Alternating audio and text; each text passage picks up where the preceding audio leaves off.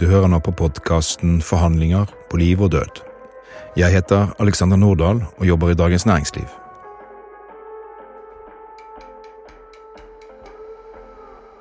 Jeg er på sånn hjemmevakt, eller beredskapsvakt som vi kaller det. Dette er Lasse.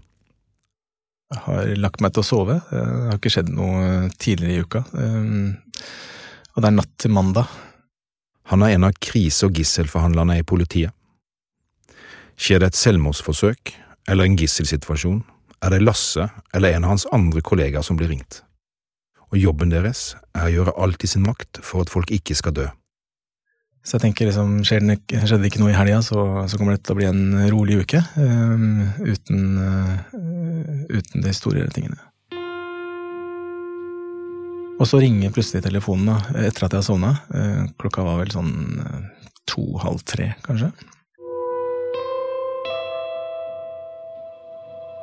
Og så får jeg beskjed om at uh, det er en mann som sitter i en, en heisekran Eh, og, og, skal ta livet sitt, da.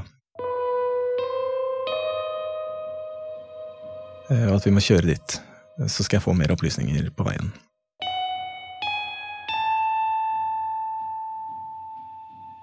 Lasse snakker mennesker ned fra vinduskammer og hustak. Han får unge menn og voksne kvinner til å legge fra seg hagler og kniver. Dette har han lært seg gjennom mange år som krise- og gisselforhandler. Ved å lytte og gi av seg selv hindrer han folk i å ta det siste steget. Målet er alltid å få det til å snu, ta et skritt tilbake og velge livet helt selv. Men selv om Lasse har opplevd mye, har han ikke opplevd alt, og det viste seg at denne gangen skulle bli ganske så spesiell. Han hadde aldri prøvd å redde livet til noen 60 meter over bakken. Eh, det, det, hadde jeg aldri vært borti før, eh, så jeg tenkte eh, dette blir veldig veldig interessant. Og begynte å forberede meg på sånn, hva jeg skulle si, hvordan jeg skulle angripe dette, om det var mulig å måtte, få tak i han, om man måtte gå opp i krana for å snakke med han, og alle mulige sånne type scenarioer. Og så kjørte jeg dit. Og akkurat idet jeg kommer fram, så er det masse andre eh, politibiler der, og det er eh, ambulanse står der, og brannvesenet har kommet, og sånne ting. Og så ser jeg da denne heisekrana. Den er ca. 60 meter høy. Eh, og ja, en, veldig lang ut. og så spør jeg sånn hvor, hvor er mannen? Og så peker de opp, og så ser jeg da en liten skikkelse da rundt en 20-30 meter ut på den bommen som går utover. Fra førerhuset og ut. Um, og der sitter det da en person på og dingler med beina, da. Og så tenker jeg sånn det, Dette ser ikke bra ut. Og så viser det seg at han uh, har ringt til en uh, tidligere arbeidskollega og sagt at han sitter der og vil bare ta farvel, da. Um, og han uh, sitter med en stålvaier rundt halsen sin. Og, en, uh, og, og uh, bindet både til halsen og til krana han sitter på. Og så sitter han og tygger piller av noe narkotisk stoff. Og siden han hadde ringt til denne kompisen, eh, eller til arbeidskollegaen, som egentlig ikke kjente han noe særlig eh, Det var litt sånn rart at han hadde ringt til han, men han sa sa i hvert fall at han hadde sagt at der satt han. Han skulle ta livet sitt, for nå orka han ikke mer. Og da hadde vi jo et telefonnummer. og det telefonnummeret ble gitt til meg, og de sa da kan du ringe han. Og da kjente jeg at pulsen gikk noe helt vanvittig i taket. Og dette var en god del år siden, før jeg på en måte hadde erfaring på denne type saker. Så jeg ringer han, da. Eh, vi kan jo for enkelhets skyld kalle han for Gunnar. Så jeg ringer, eh, så tenker jeg at eh, nå blir det veldig viktig å beholde roen. Og så tar han telefonen. Og så sier jeg Hei, Gunnar. Og han sier hei. Og så presenterer jeg meg, sier hva jeg heter og hvor jeg ringer fra. Jeg har skjønt det sånn at du sitter i en heisekran på den og den byggeplassen, og at du har ringt til en tidligere arbeidskollega og sagt at du planlegger å ta livet ditt. Kan du fortelle meg hva som har skjedd? Og da kommer han med en, en historie om, som inneholder alt du kan tenke deg av, av elendighet. da. Jeg husker at jeg tenkte underveis i den samtalen så tenkte jeg at du har virkelig all, alle grunner i verden til å ønske å avslutte dette livet. Og så, eh, etter at han er ferdig med å fortelle om, eh, om, livet sitt, sånn i, eller grunnene til at han sitter der, så, så går jeg og fokuserer litt på denne stålveieren. Og han bekrefter det. Han har den rundt halsen, og han har bindt den rundt eh, bommen han sitter på. Og så sier han at han spiser disse pillene, eh, og han har også med noe alkohol opp der, eh, for at han skal bli så sløv at han faller, og bare bikker over, og da, at da huet bare skal eh, strupes rett av, da. Og så ber han om å eh, ta og løsne på den stålveieren, sånn at vi kan snakke sammen. Eh, sånn i tilfelle han skulle falle uten å ønske det. Og, og så sier jeg jeg vil veldig gjerne høre litt mer av den historien din. Um, så vi har en, uh, en, veldig god prat. Um, men det er, det er, på en måte ingenting i livet hans som, som er noe å, å, leve for. Da. Han har ingen lyspunkt. Uh, det er liksom skyer over hele himmelen. Ingen, ingen steder hvor, det, hvor sola bryter igjennom. Så hva gjør en forhandler når alt virker umulig? Du leter etter sola, da. Du leter etter et, et lysglimt uh, som, som, skal gi deg noe håp om at uh, det, det, finnes en mulig vei ut av dette. Det finnes en, en mulighet for å kunne måte, få litt uh, lys inn i livet. og så er det bare skyer overalt. Han satt der fordi han hadde, han hadde en dårlig barndom, han hadde blitt misbrukt. han hadde i veldig tidlig alder blitt ufør, så han kunne ikke jobbe. Um, så den arbeidskollegaen var egentlig en, en, person som han ikke hadde hatt kontakt med på kjempelenge. Uh, han hadde uh, ja, ikke noe familie. Han uh, økonomisk helt ruinert. Han fikk noen få penger av Nav som ikke rakk til noen ting. Han hadde blitt avhengig av, av rusmidler og hadde sykdommer som krevde at han gikk på, på, på spesielle medisiner. Eh, og mente at det var en sammenheng der, at helsevesenet hadde gjort han eh, til narkoman. Han hadde rett og slett han brutte relasjoner overalt. Eh, dårlig boevne. Klarte ikke å, beholde de kommunale leilighetene han hadde fått opp igjennom. Måtte hele tiden drive og flytte. Og det var bare rett og slett elendighet på elendighet på elendighet. Og, og veldig store tap for han. Og så hadde han da kommet til konklusjonen at dette orker jeg ikke mer. Og da valgt å, å gå opp i denne krana. Og det er ganske dramatisk å gå sånn 60 meter opp og 20-30 meter ut. Og så sette seg til eh, og ha med seg en stålvaier og alkohol og piller. Eh, da, da, har du kommet ganske langt. Um, og så uh, følte jeg jo etter hvert at vi hadde en god samtale, uh, men han blei liksom, uh, ble hele tiden sløvere. Så jeg, jeg blei virkelig bekymra for at han skulle dette rett og slett bare dette om. Og det, han, han var urokkelig på det å, å forsøke å se noen lysglimt i livet. Da. Han, han, mente at han hadde prøvd så mye at, eh, og, og, så lenge at det var, var, på en måte ikke noe Han var over 50 år, så var ingenting som kunne, kunne få han til å endre akkurat det, og dette skulle han gjennomføre.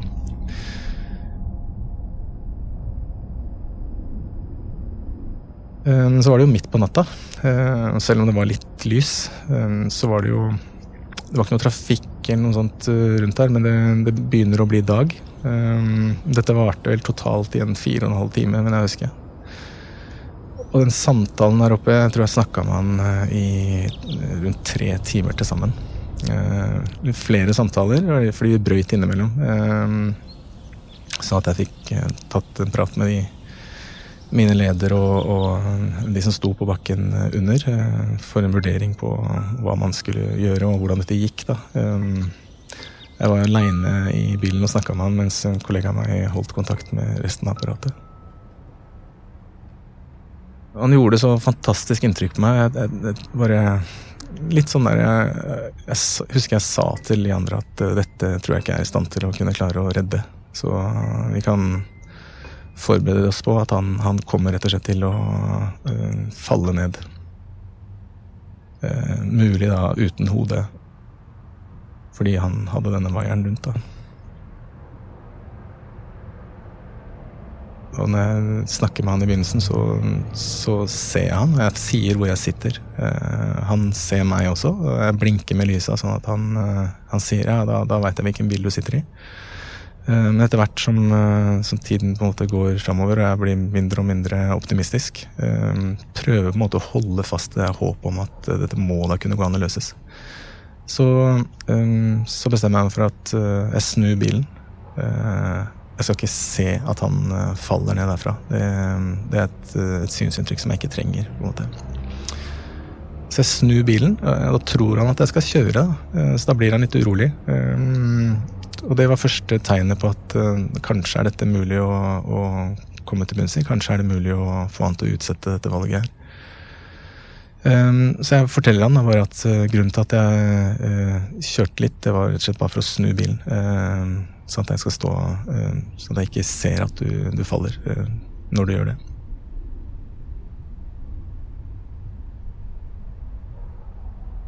Så fortsetter vi å, å snakke, og det er, eh, det er, på en måte ingenting ja, det, det, er rett og slett ikke noe å ta tak i. da. Jeg kan utbrodere historien hans, og det går veldig fint. Spiller med han på å grave ganske dypt i enkelte ting. Som f.eks. alle brutte relasjonene hans. Eh, eh, prøver å søke etter eh, hvordan han har hatt hva som har liksom leda opp til at han har kommet til denne konklusjonen. Om han har forsøkt å ta livet sitt før. Han er jo åpenbart rusa og berusa. Om man har noen andre i familien som har forsøkt å Eller har gjennomført selvmord. Om man har noe nettverk. Søker på en måte i hele registeret. Og han, han snakker mye. Uh, faktisk en veldig, veldig på mange måter fin eh, person å snakke med. da. Sikkert bare kunne hatt mange gode samtaler med han hvis vi hadde vært bekjente.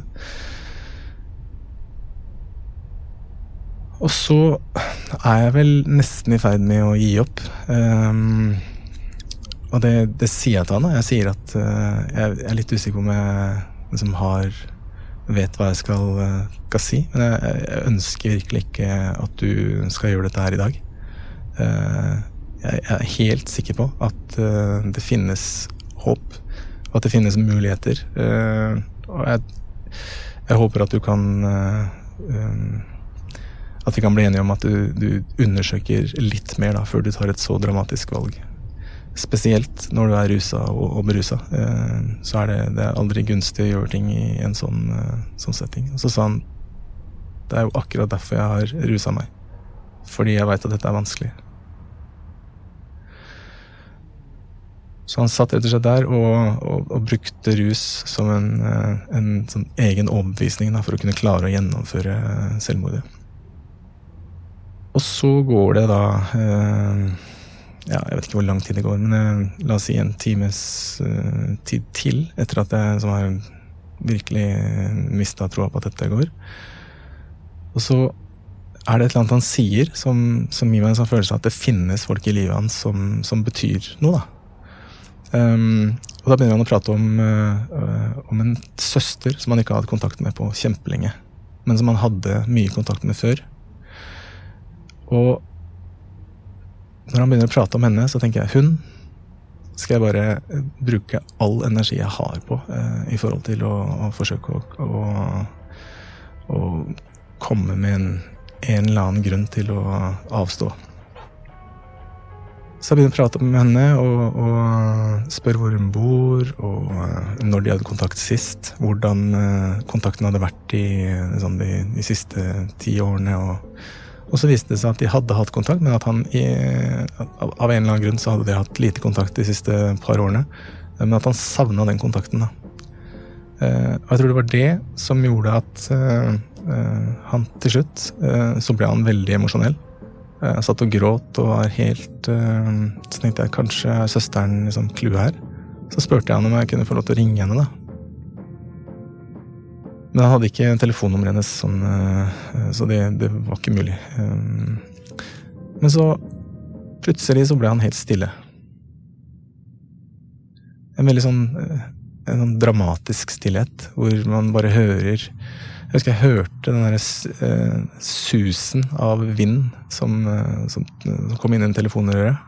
Uh, hvor du bare du, du, lurer på om han er der eller ikke. om han har sovna, om han hører det jeg sier. Så jeg fortsatte å snakke rolig med han. og senka tempoet og stemmen min enda mer enn det jeg hadde gjort før. Og så ser jeg plutselig bevegelse oppå bommen der. Eh, at han driver og fikler med et eller annet. Og jeg spør han liksom hva, hva skjer nå? Hva skjer nå, Gunnar? Og så sier han ingenting fremdeles. Og så ser jeg at han reiser seg. Og så tenker jeg dette, dette er jo dette er virkelig farlig. For når du er så langt ut og, og berusa, så har du jo ikke spesielt god balanse. Eh, og så ser jeg plutselig at han begynner å gå innover. Mot, uh, mot det styrehuset, da. Og så forsøker jeg å få kontakt med han igjen, eh, og da svarer han meg da, at eh, jeg kommer ned. Og da, da, husker jeg at jeg kjente en sånn en veldig sånn der, en blanding av liksom frykt, frykt for at han skulle dette, og en lettelse for at han sa han skulle komme ned. Samtidig som jeg tenkte dette er jo ikke over, for han er helt nede på bakken. Jeg tror han brukte over en halvtime på å komme seg ned hvor han gikk i, opp igjen og litt ned igjen, og, og sånn bare virkelig uh, hadde problemer da, med å ta de siste skrittene. Og han sa flere ganger også at dette er, dette er veldig vanskelig. Uh, jeg hadde virkelig, virkelig eh, håpa at dette skulle være den, den, ja, det siste jeg så av denne verden. Um, så holdt jeg kontakt med han hele veien ned og sa at dette dette skal gå bra. Eh, jeg holder kontakt med deg helt, helt, ned, og vi kommer ikke til å sende opp noen folk for å, for å bære deg ned eller eh, noe sånt. Bare gå helt rolig. Så, så skal jeg stå i bånd og ta deg imot når du tar de siste skrittene. Og det var så utrolig tydelig at de siste skrittene, altså den siste trappa nedover, eh, det, det, det føltes ut som en sånn evighet, og det var sånn Akkurat idet han traff bakken, så falt han helt sammen. Da, da var han som en geléklump. Um, og så sa han til meg sånn Hvorfor i all verden nevnte du søstera mi? Og så tenkte jeg da var det virkelig søstera som hadde vært med på å redde den situasjonen. Og det eh, Jeg blei bare helt sånn ekstremt fylt av følelser, da. La oss si dette varte i fire timer, da. Så hadde jeg holdt det der trykket hele tiden. Ja, det blei rett og slett bare en, eh, en, utrolig sånn følelsesmessig eh, reaksjon på begge to når vi kom ned. Og han også gråt helt eh, Det var helt ja, Vanskelig å beskrive, egentlig. Men jeg kunne virkelig se at dette hadde kosta han veldig, veldig mye, da. Um, og så tok jeg han i hånda, uh, men også at jeg ga han en, eh, en god klem uh, og sa at Gunnar, dette syns jeg du skal være veldig stolt av. Uh, her har du gjort et valg det virkelig står respekt av. Um, ambulansefolka kommer til å kjøre deg ned til legevakta, og så tar du en god prat med, med de som er der, og, og sørger for at du får den hjelpen som du kan få.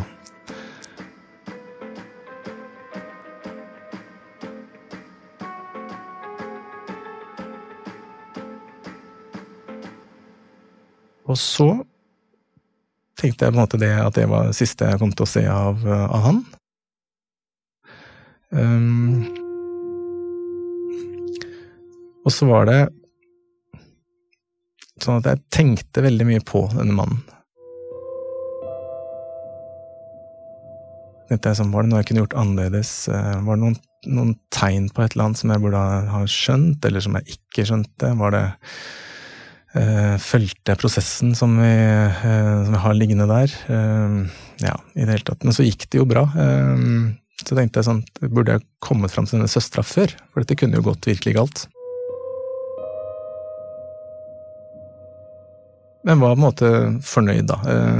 Og det må man jo være når ting går, går bra. Så fikk jeg aldri på en måte sjansen til å høre med han hvor hva det var som gjorde at han eh, kom ned, bortsett fra det han sa om eh, hvorfor nevnte du søstera mi. Og så lå han på en måte der da i bakhodet eh, i lang tid, eh, og ganske nøyaktig fem år etterpå eh, så skjedde akkurat det samme en gang til. Jeg hadde beredskap, vekte opp midt på natta, får høre om en person som på en annen byggeplass den gangen sitter oppe i en kran, da, uh, og at det har vært politifolk oppe og forsøkt å, å hente han ned. Uh, og han har kasta ting på de, og bare sånn Dette skal jeg gjennomføre, bare la meg være i fred.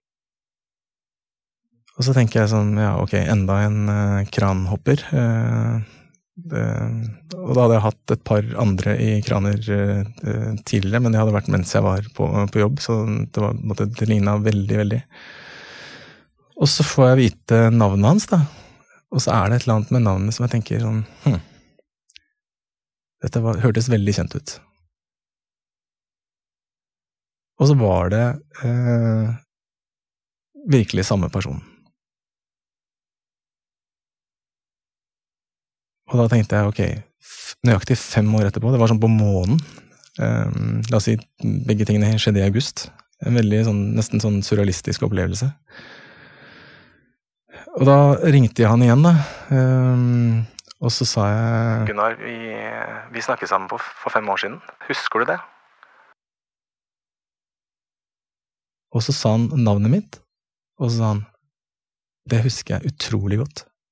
Og så ga han beskrivelse av hva som hadde skjedd der, og, og, og detaljer som jeg tenkte dette, dette må ha gjort inntrykk på, på deg også.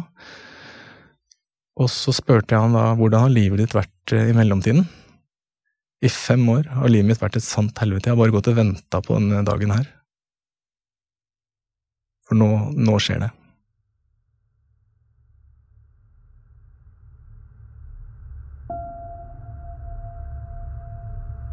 Den krana var eh, minst like høy, men denne gangen her så hadde han ikke gått ut på bommen. Han, hadde, han sto ved, ved førerhuset og hadde lagt seg til med overkroppen så langt ut at den, eh, det var nesten som han ville tippe. Sånn brystkassa på utsida. Der lå han, da. Så eh, snakka vi litt sammen eh, om den forrige gangen, og vi snakka litt sammen om hvordan han hadde det nå, og hva som hadde skjedd de siste fem årene. Eh, og det var ingen lysglimt i livet hans der heller. Han hadde hatt kontakt med søstera si, eh, men de hadde ikke kontakt lenger. Og så plutselig, midt i en setning, så blir det brutt. Og så tenker jeg da Hvorfor ble denne samtalen brutt?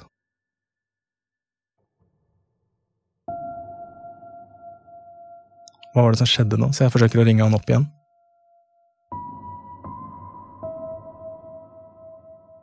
Og jeg ringer og ringer og ringer og ringer, men han tar den ikke. Og så ser jeg han fra bakken, at han ligger der med overkroppen utafor, og at det er bevegelse, da. Jeg tenker at dette går bare ikke. Eh, men jeg vet jo ikke hvorfor det ble brutt, eh, så jeg må jo bare anta at det er fordi at han ikke hadde mer batteri igjen på telefonen. Og da eh, spør jeg de andre kollegaene som er rundt, eh, finnes det noen mulighet for å gå opp til han. Og det tar de en kort diskusjon på, og så sier de det kan vi gjøre. Vi kan gå opp til han. Så da går jeg, da. Med to andre kollegaer og sikringsutstyr og, og sånne ting. Eh, går de 50 meterne opp til han. Og når vi kommer på da avsatsen under der han ligger, så skriker han til oss og sånn Ikke kom nærmere.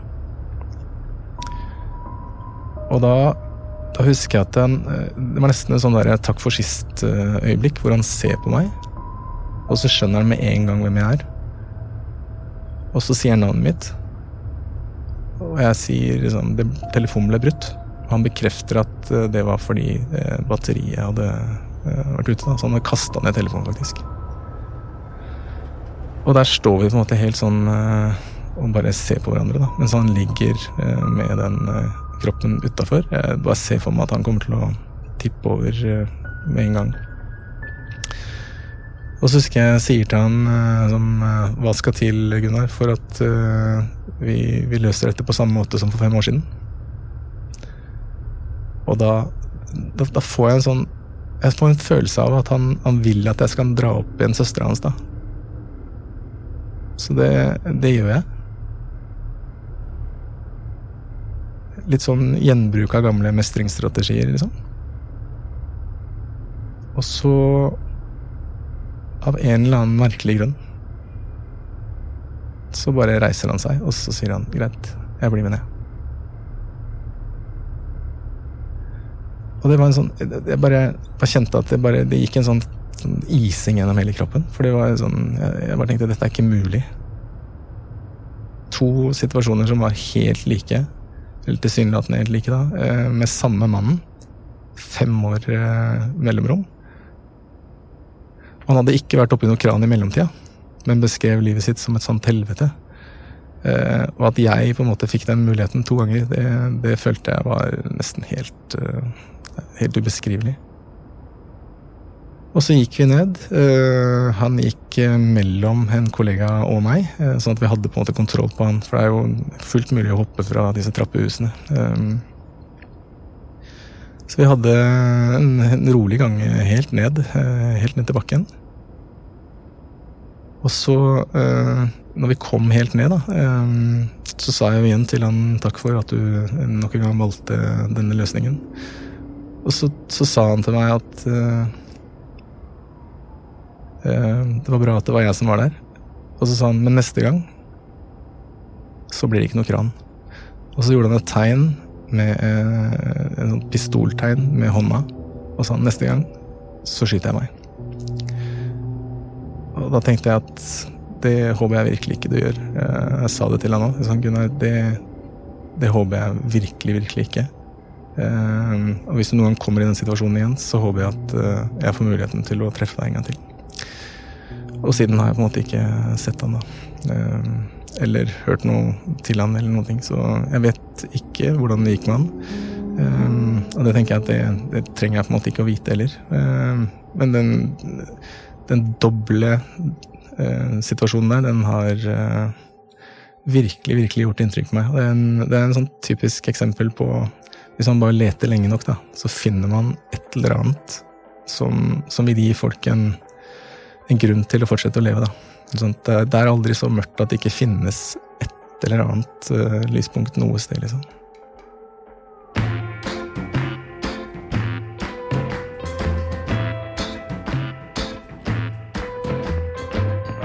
Å ikke vite hvordan det går, og ikke vite hvordan det slutter. Helt siden vi mennesker satt rundt bålet og fortalte hverandre historier, før vi hadde skriftspråk, før vi hadde bøker, teater og strømmetjenester, har vi ønsket å vite hvordan det går helt til slutt. Det er ofte meningen med historien, grunnen til at vi sitter der. Men ikke for Lasse. Skal han holde ut, vil han ikke vite hvordan historien ender. Men vi ville vite slutten på historien. Vi lar Gunnar fortelle selv. Nei, han brukte tid på meg. Når han etterpå Det, det så jeg tydelig. Det første eh, kollegene han skulle ha på meg, det var håndjern når jeg kom ned der. Nei, var, han var opptatt av å få et pledd rundt meg og legge meg på en båre. Ja, en person, sant, eller etat, som jeg har hatt uh, som ansett som min fiende, uh, sånn sett. Man skal ikke prate med politiet, man skal ikke samarbeide med politiet, man skal ikke ha noe med dem å gjøre. Alt med, som har med dem å gjøre, er ikke ok, liksom. Og når jeg var eh, på, på, det nivået jeg var på når jeg var oppe i heisekranet, at det skulle være en politimann som liksom snakka til meg da, og fikk redda, si rett ut, redda livet mitt. Ikke bare én gang, men to ganger samme mannen. Det sier ganske mye Ja, det gikk så sterkt innpå meg at eh, fra siste gangen jeg gikk ned den heisekrana etter praten med Lasse. Ja, All ære skal den mannen ha for at han har fått meg til å fortsette min kamp som jeg holder på med i dag.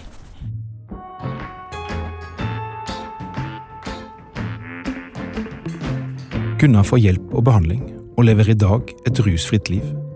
Han er en del av et lokalmiljø og har god kontakt med familie og venner. Vi mener historien om Gunnar og Lasse er viktig å fortelle. Årlig tar rundt 600 mennesker livet sitt i Norge, og det er enda flere som prøver. Dette er en stor del av oppdragene til politiets krise- og gisselforhandlertjeneste. I 60% av sakene KGF jobber med, må de vurdere om det er risiko for selvmord. Lasse og de andre forhandlerne har utallige historier å fortelle. De fleste har ingen hørt. Før nå. I neste episode møter vi en ruset og traumatisert Afghanistan-veteran som regnes som svært farlig. Han ber om hjelp, men får det ikke. Få timer senere omringer bevæpnet politi huset hans, og forhandleren Øyvind blir tilkalt. Grunnen til at eh, jeg ringer deg nå, det er at vi er bekymra for hvordan du har det. Vi tror at eh, du har behov for hjelp. Vi kommer uansett til å ønske å treffe deg. Politiet er også på utsida hos deg nå, kun for å hjelpe deg. Det er ingen som ønsker å skade deg. Har du behov for å snakke med noen etter å ha hørt denne episoden? Da kan du kontakte Mental Helses hjelpetelefon på 116 123, eller Kirkens SOS hjelpetelefon på 22 400 040. For akutt krisehjelp skal du alltid ringe 113. Ønsker du å komme i kontakt med din lokale legevakt, ring 116 117. Alle disse telefonene er døgnåpne og gratis. Forhandlinger på liv og død er laget av meg, Alexander Nordahl, og Tine Eide, som er produsent og lyddesigner. Prosjektleder for denne serien er Jannike Engan. Gry Egenes er redaktør. Konsulent har vært Berit Hedemann. Sluttmiksen er gjort av Hans Kristen Hyrve. Musikken er laget av Gallowhill. Ina Engebretsen har logget. Ansvarlig redaktør i Dagens Næringsliv er Janne Johannessen.